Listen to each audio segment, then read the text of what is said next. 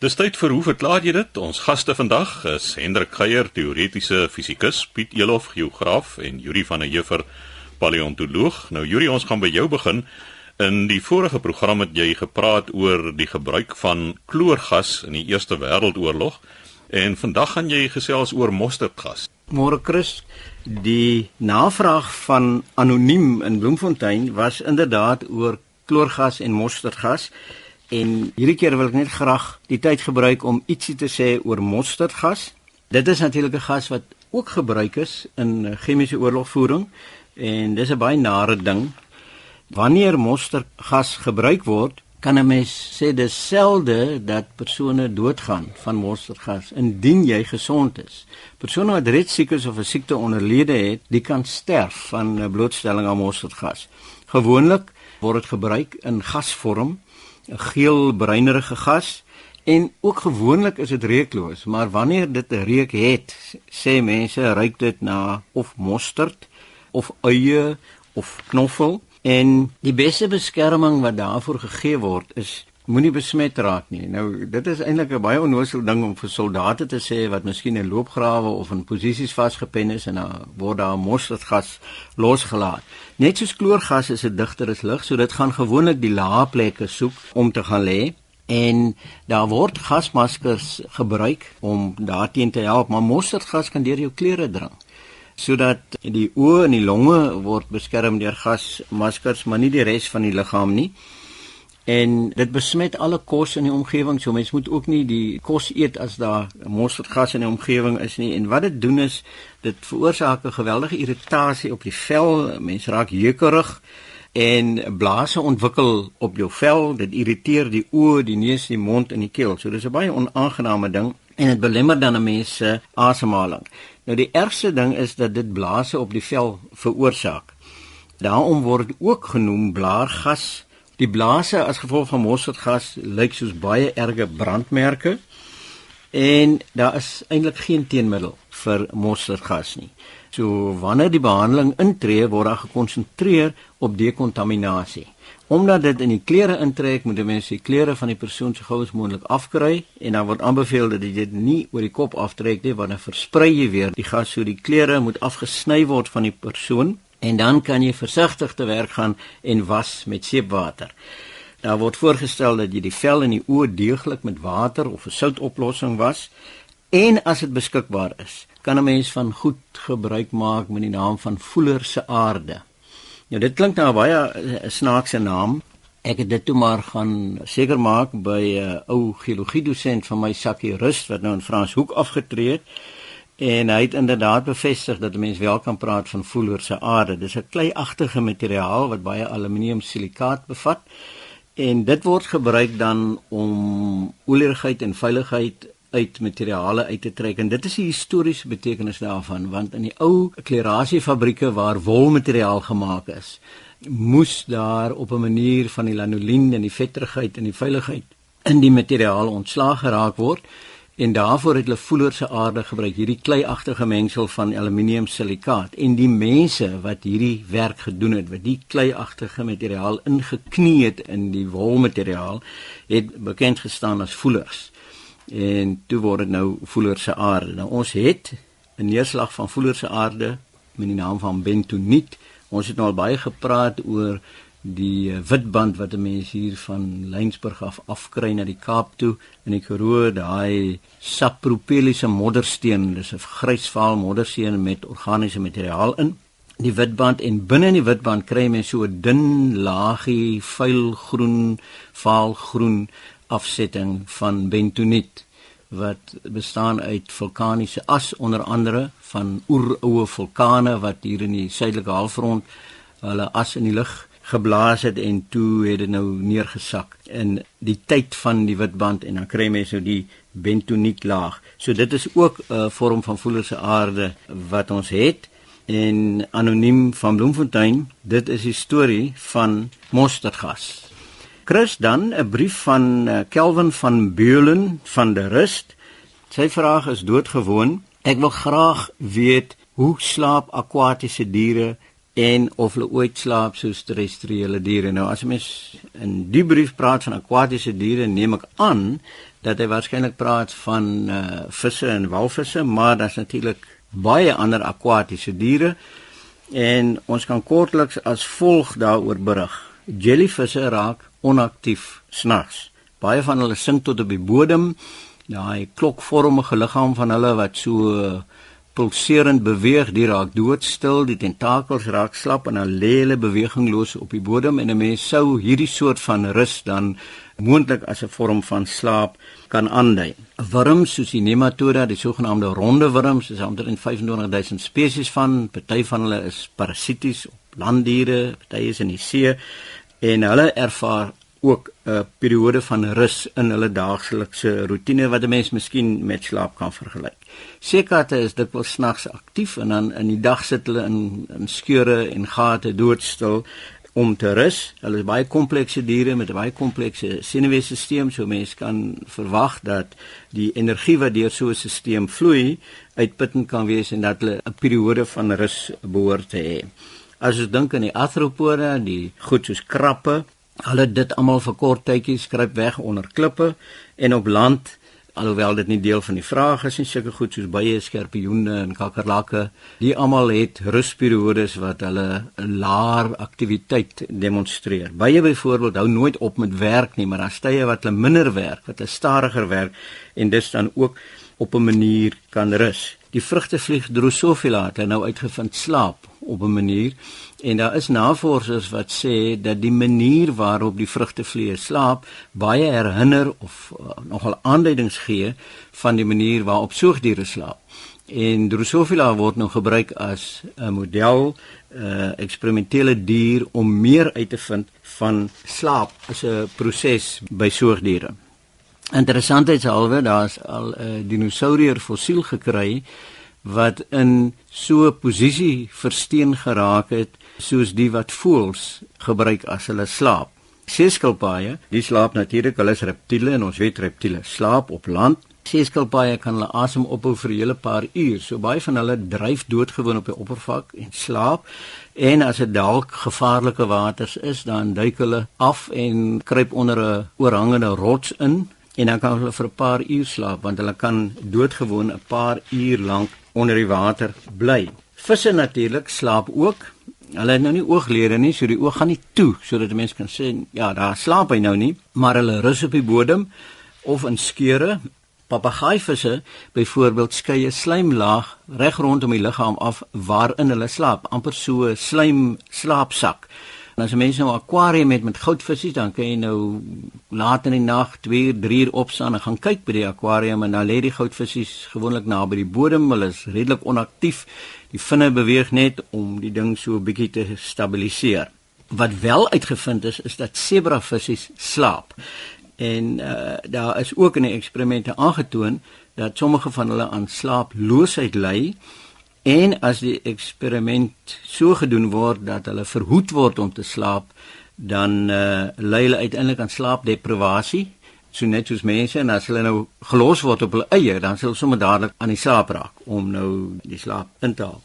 Walvisse en dolfyne is interessant want dit ons nou soogdiere wat gedurig moet asemhaal en hulle is in die see, hulle kan nie meer uitkom op land soos robbe nie. Nou walvisse en dolfyne slaap, veral walvisse slaap horisontaal in die water of in 'n vertikale posisie.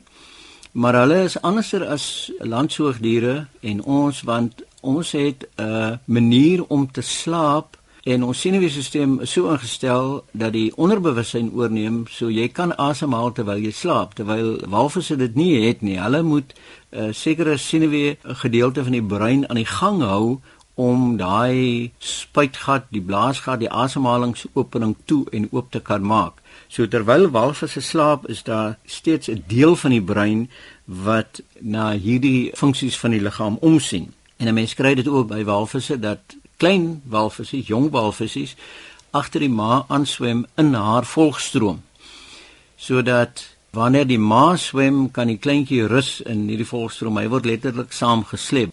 Kort nadat 'n walvis gebore is, moet die ma vir die eerste paar weke gedurig swem. Sy kan nie stop nie want klein walvisse word gebore sonder vet of genoeg vet om te kan dryf. So totdat die klein walvis genoeg vet opgebou het sodat hy natuurlikerwys kan dryf, moet die ma maar aanhou swem. En dan laastens dolfyne het die spesiale vermoë om hulle linker en regter helfte van hulle brein van mekaar af te skei sodat 'n dolfyn kan swem terwyl sy een helfte van die brein afgeskakel is en die een oog aan die teenoorgestelde kant is afgeskakel. Maar die ander deel van die brein die werk nog en die oog aan die teenoorgestelde kant die kan dan op die uitkyk wees vir predatore of dat die dolfyn nie in 'n voorwerp kan vasswem nie. En daar is 'n berig van iemand wat sê dat dolfyne die gewoonte het om wanneer hulle dit doen, dan swem hulle in 'n sirkel en die oë aan die buitekant is dan aangeskakel. Toe wil hy nou weet by wetenskaplike of wanneer hulle nou klaar geslaap het en dan in die ander rigting begin swem of dit nou wissel en hy het nie 'n antwoord daarop gekry nie, maar wat dolfyne wel doen is om alternerend die linker en die regter brein af te skakel. En dan laastens haie meeste haie moet gedurig swem omdat hulle nie kiefdeksels het nie. So hulle kan nie op een plek stil lê en asemhaal soos ander visse, beenvisse nie. En hulle het dus ook die vermoë om te rus terwyl hulle swem en dan sodoende weer die metabooliese funksies van die liggaam, mens kan maar sê hernie. So gesels Yuri van der Heever, ons paleontoloog. Hendrik Geier, jy het 'n uh, vraag ontvang. Iemand wil weet wat is die vinnigste, die spoed van lig of die spoed waarmee 'n boodskap van die brein na 'n sekere liggaamsdeel toegestuur word? Ja, dankie en môre Chris. Die iemand waarna jy verwys is die 8-jarige kleinseun van Annetjie Visagie van Franskraal maar die vraag het sy oorsprong by hom en dit is 'n vraag wat hy klaar blyklik aan sy ouers gestel het wat nie 'n goeie antwoord daarop kon verskaf nie. Klaar blyklik wou hy eenvoudig weet wat is die vinnigste, die spoed van lig of die spoed waarteen 'n bevel van die brein van een plek in die liggaam na 'n ander een gestuur word. Nou die kort antwoord op die vraag Chris is dat ligspoed is omtrent 'n faktor 1 miljoen keer vinniger as die spoed waarteen seniepulse voortgeplant word, maar ons moet dan seker ietsie meer sê as om net daai feitelike inligting deur te gee. So kortom en hier is ek nou maar 'n leek wat 'n bietjie leeswerk moes gaan doen het die manier waarop seniepulse voortgeplant word van een seniesel na 'n ander een is via sogenaamde aksone oftewel langerige veselagtige senie uitsteeksels van elke seniesel en langs hierdie aksone word seniepulse voortgeplant. So die manier waarop ons nou tipies hierdie goed sou vergelyk is om na 'n situasie te verwys waar jy jou vinger op 'n stoofplaat brand en te probeer vasstel hoe vinnig jy reageer het vergeleke sê maar met wat jy waarneem as jy 'n ligskakelaar gedruk het en die lig sien aankom. Nou die spoed waarvan ons praat, as ons praat van die spoed van lig, ons al meermale hier genoem 300 000 km per sekonde. Dit is hopeloos te vinnig dat 'n mens op met hierdie soort waarneming naasten by onderskeide sou kon tref. So die manier waarop die spoed van seenie boodskappe gemeet word onder eksperimentele omstandighede ken ek nie baie goed nie. Ek weet nie of jy iets daaroor kan sê nie, Judy. Ja, daar is maniere om dit te meet, maar soos wat jy gesê het, as jy jou vinger brand op 'n stoofplaat en jy ruk jou vinger weg, dan het jy eintlik 'n gewone eenvoudige refleksboog voltooi. En wat die ding waarskynlik dan nou redelik stadig maak is dat die sensors in jou vinger moet die prikkel optel. Dit word dan gestuur deur hierdie aksons wat jy van gepraat het tot by die ventrale wortel van die rugmurg, dan gaan dit in die rugmurg in en as dit nou 'n komplekse refleksboog is, dan moet jy nog by die assosiasie neurone verbykom in die grysstof van die rugmurg en dan word dit met die ventrale wortel uitgestuur die uh, boodskap wat dan na die spiere toe gaan om die spier te saamtrek om jou vinger weg te trek. So die prikkel gaan deur 'n verskeidenheid van neurone, daar's klein gapingkies, die sinapse En 'n mens kan verstaan dat alhoewel dit vir ons oor die kort afstand baie vinnig klink, is dit in terme van ligspoed is dit baie baie stadiger. En dit kan elektronies gemeet word. Gelukkig hoef ons nie aan al daai prosesse te dink voordat ons ons vinger wegtrek van die plaat af nie. Hoe ook al ons het baie onlangs Chrisse jy onthou in 'n program oor die spoed van lig gepraat en toe het ek verwys na die heel eerste eksperiment of denkraamwerk wat voorgestel is deur 'n uh, Deense sterrekundige Euler Römer hier in die 17de eeu wat deur waarneming van die beweging van een van die maane van Jupiter agtergekom het dat lig met 'n eindige spoed beweeg. Die meetkundige berekening wat sy manier van dink hieroor vergesel het, alhoewel hy self nie syfers daarbey gevoeg het nie, het ander mense dit gedoen en baie naby aan die bekende 300 000 km per sekonde tipe syfer gekom. So ons weet ligspoed het daardie waarde. Dit kan baie akkuraat gemeet word, maar 'n aspek van ligspoed wat dikwels genoem word wat ek miskien hier ook 'n bietjie wil toelig is die feit dat dit die absolute maksimum spoed is wat enige iets kan bereik. Ten minste weet ons dat iets wat op 'n gegeewe stadium 'n spoed stadiger as ligspoed het, nooit vinniger as ligspoed kan beweeg nie. Ek kwalifiseer dit so omdat daar in die fisika ook sprake is van hipotetiese deeltjies met die naam van tachione wat veronderstel is om altyd vinniger as die spoed van lig te beweeg en teoreties kan 'n mens dit nie volledig uitskakel nie alhoewel daar nog geen eksperimentele getuienis is dat daar hoegenaamd sulke goed is nie. Maar mense ook wel kon vra hoekom is daar dan sprake van so 'n maksimum spoed en hoekom is dit lig wat daardie besondere karaktereienskap het? So laat ek so 'n klein bietjie iets daaroor sê. Die manier waarop mense hieroor kan redeneer, het sy oorsprong by Einstein wat gepostuleer het dat al die wette van die fisika en hy het nou hier geëkstrapoleer van die toe bekende wetmatighede wat bewegingsvergelykings Newton se bekende bewegingsvergelykings onder andere insluit en elektromagnetisme en hy het eenvoudig gepostuleer dat alle fisiese wette dieselfde is onafhanklik daarvan of die waarnemer of die assestelsel met betrekking waartoe jy die prosesse beskrywe self aan die beweeg is teen 'n konstante spoed. Let wel as 'n mens van versnelling praat word die gesprek anders maar kom ons konsentreer op relatiewe konstante spoede. So as dit so is het Einstein geredeneer is dit bekend sou hy tipies kon sê dat lig 'n elektromagnetiese golf is en 'n mens kan uit Maxwell se vergelykings dit is die vergelykings wat elektromagnetiese golwe se beweging en voortplanting beskryf aflei wat die spoed van hierdie golwe is So as alle wetmatighede onafhanklik is van die spoed waarteen of die stelsel of die waarnemer beweeg, dan moet dit ook so wees vir Maxwell se vergelykings. En dis beteken dit dat die spoed van lig wat jy uit hierdie vergelykings kan aflei ook konstant moet wees. So daar is so 'n spoed wat vir alle waarnemers dieselfde is en dit is inderdaad ligspoed, die basis van die redenasie van relativiteit. Nou as 'n mens vra hoekom is dit nou die maksimum spoed, dan kan 'n mens op twee maniere daaroor praat. Die een is om te sê, hoe sou jy weet dat jy vinniger as iets anders beweeg as jy nou tipies dink aan twee voertuie op 'n hoofpad? Wel, mense kon sê jy weet jy beweeg vinniger as die motor voor jou as jy besig is om hom in te haal en verby te steek. Nou as jy dink aan 'n foton wat nou teen ligspoed beweeg, wat sê maar voor jou is en jy probeer die foton inhaal, en jy nou daaraan dink dat die foton se spoed vir alle waarnemers onafhanklik van hulle eie beweging konstant bly, dan kom jy tot die slotsom jy kan eintlik die ding nie ooit inhaal nie. En dis is dit die maksimum spoed. 'n Ander manier wat uit die fisika analise na vore kom is om agter te kom dat as jy die spoed van 'n deeltjie of 'n voorwerp met massa verhoog, dan kos dit natuurlik energie.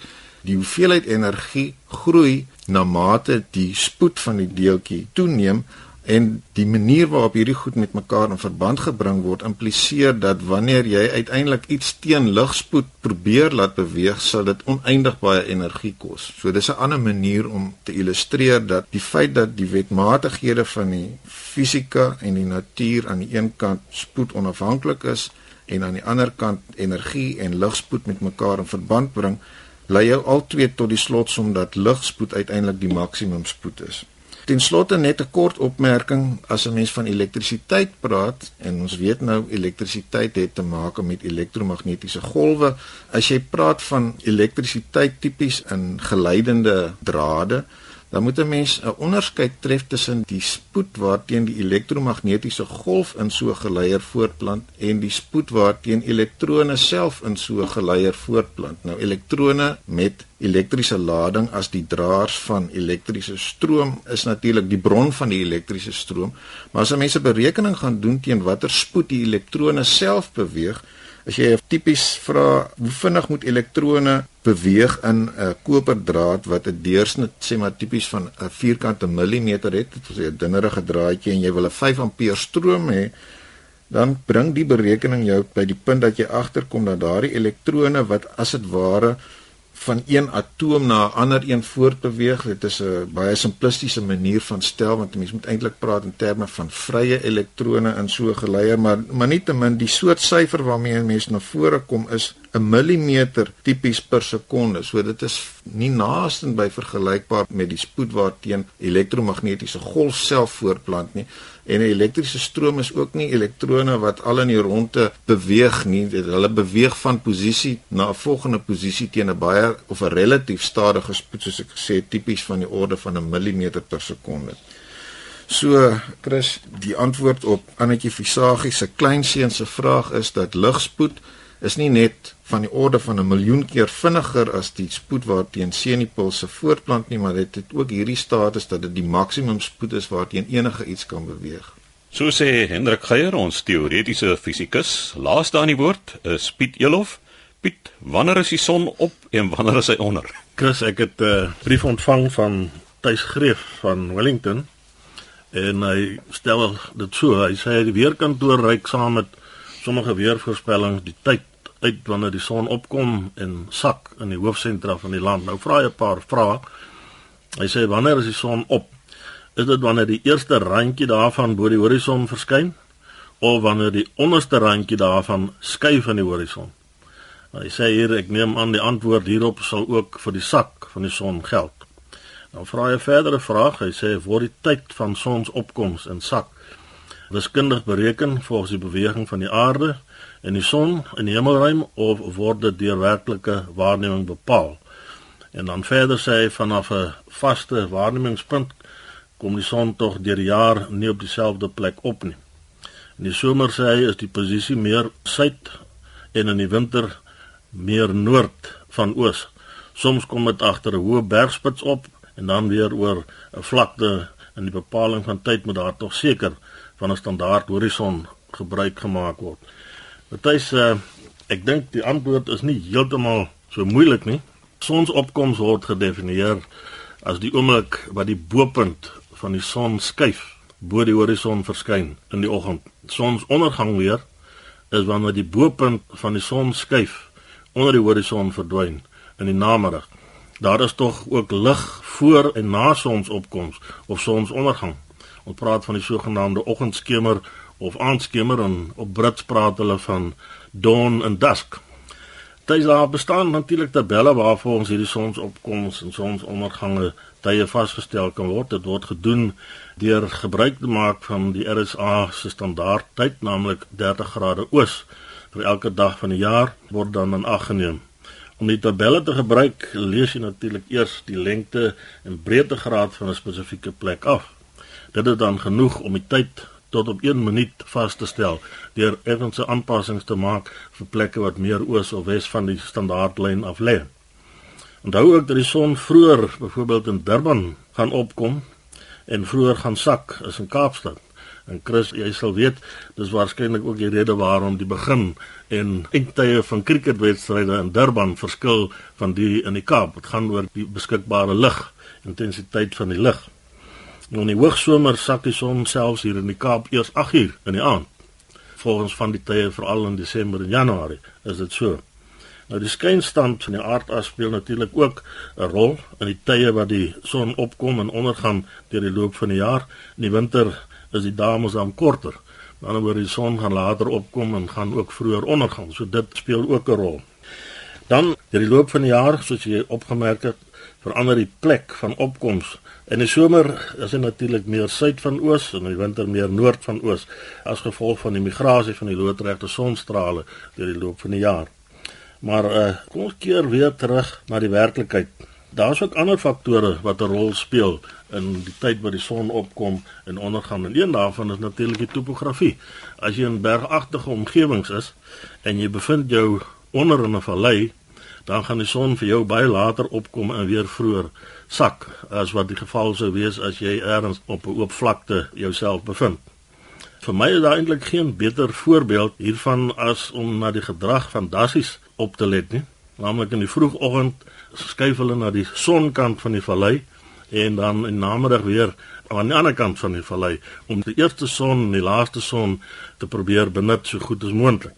Nou van dassies gepraat. Ek wonder hoeveel luisteraars weet dat dit dassie familie van 'n olifant is. Op TV onlangs was daar 'n reeks programme Wild en Wragtig. Nou, in een van hierdie programme het 'n bekende jagter, Jokkel Roo, 'n interessante opmerking gemaak, naamlik hy onthou die ooreenkomste as die 4 T's. Hy praat van tande, tone, tepels, testicles wat dan nou 'n ooreenkoms toon met hierdie 4 T's by 'n olifant. Smithers byvoorbeeld gee 'n baie volledige beskrywing van 'n dassie en hier verwys hy na die tande, waarskynlik die kiestande en dan ook die groot voortande en die aantal tone en die aantal en ligging van ek wil amper sê die bruikbare tepels by olifante is natuurlik tussen die voorbene en by dassies is ook die wat die meeste melk voorsien is ook dan nou die wat naaste aan die voorbene is en dan natuurlik die inwendige testicles wat nie uitwendig sigbaar sommer is soos wat 'n mens by ander diere dit vind nie. Nou die testicles is inwendig geplaas en nie sigbaar soos by beeste of skape nie. Ek vermoed dat dit ook maar goed so is dat dit nie by olifante so is nie want uh, ek dink die grondvry hoogte soos wat die 4x4 manne hulle voertuie beoordeel baie min sou gewees het by olifante en sou dit dus maar 'n stamperige en pynlike reis veroorsaak het. So uh, Tuis, dankie vir jou vraag oor sonsopkoms en kyk waar het ons nou geëindig. Ja, op daardie grondvry hoogte sluit ons dan ook af. Jy kan gerus skryf aan hoe verklaar jy dit? Posbus 2551 Kaapstad 8000 of stuur 'n e-pos aan chris@rsg.co.za.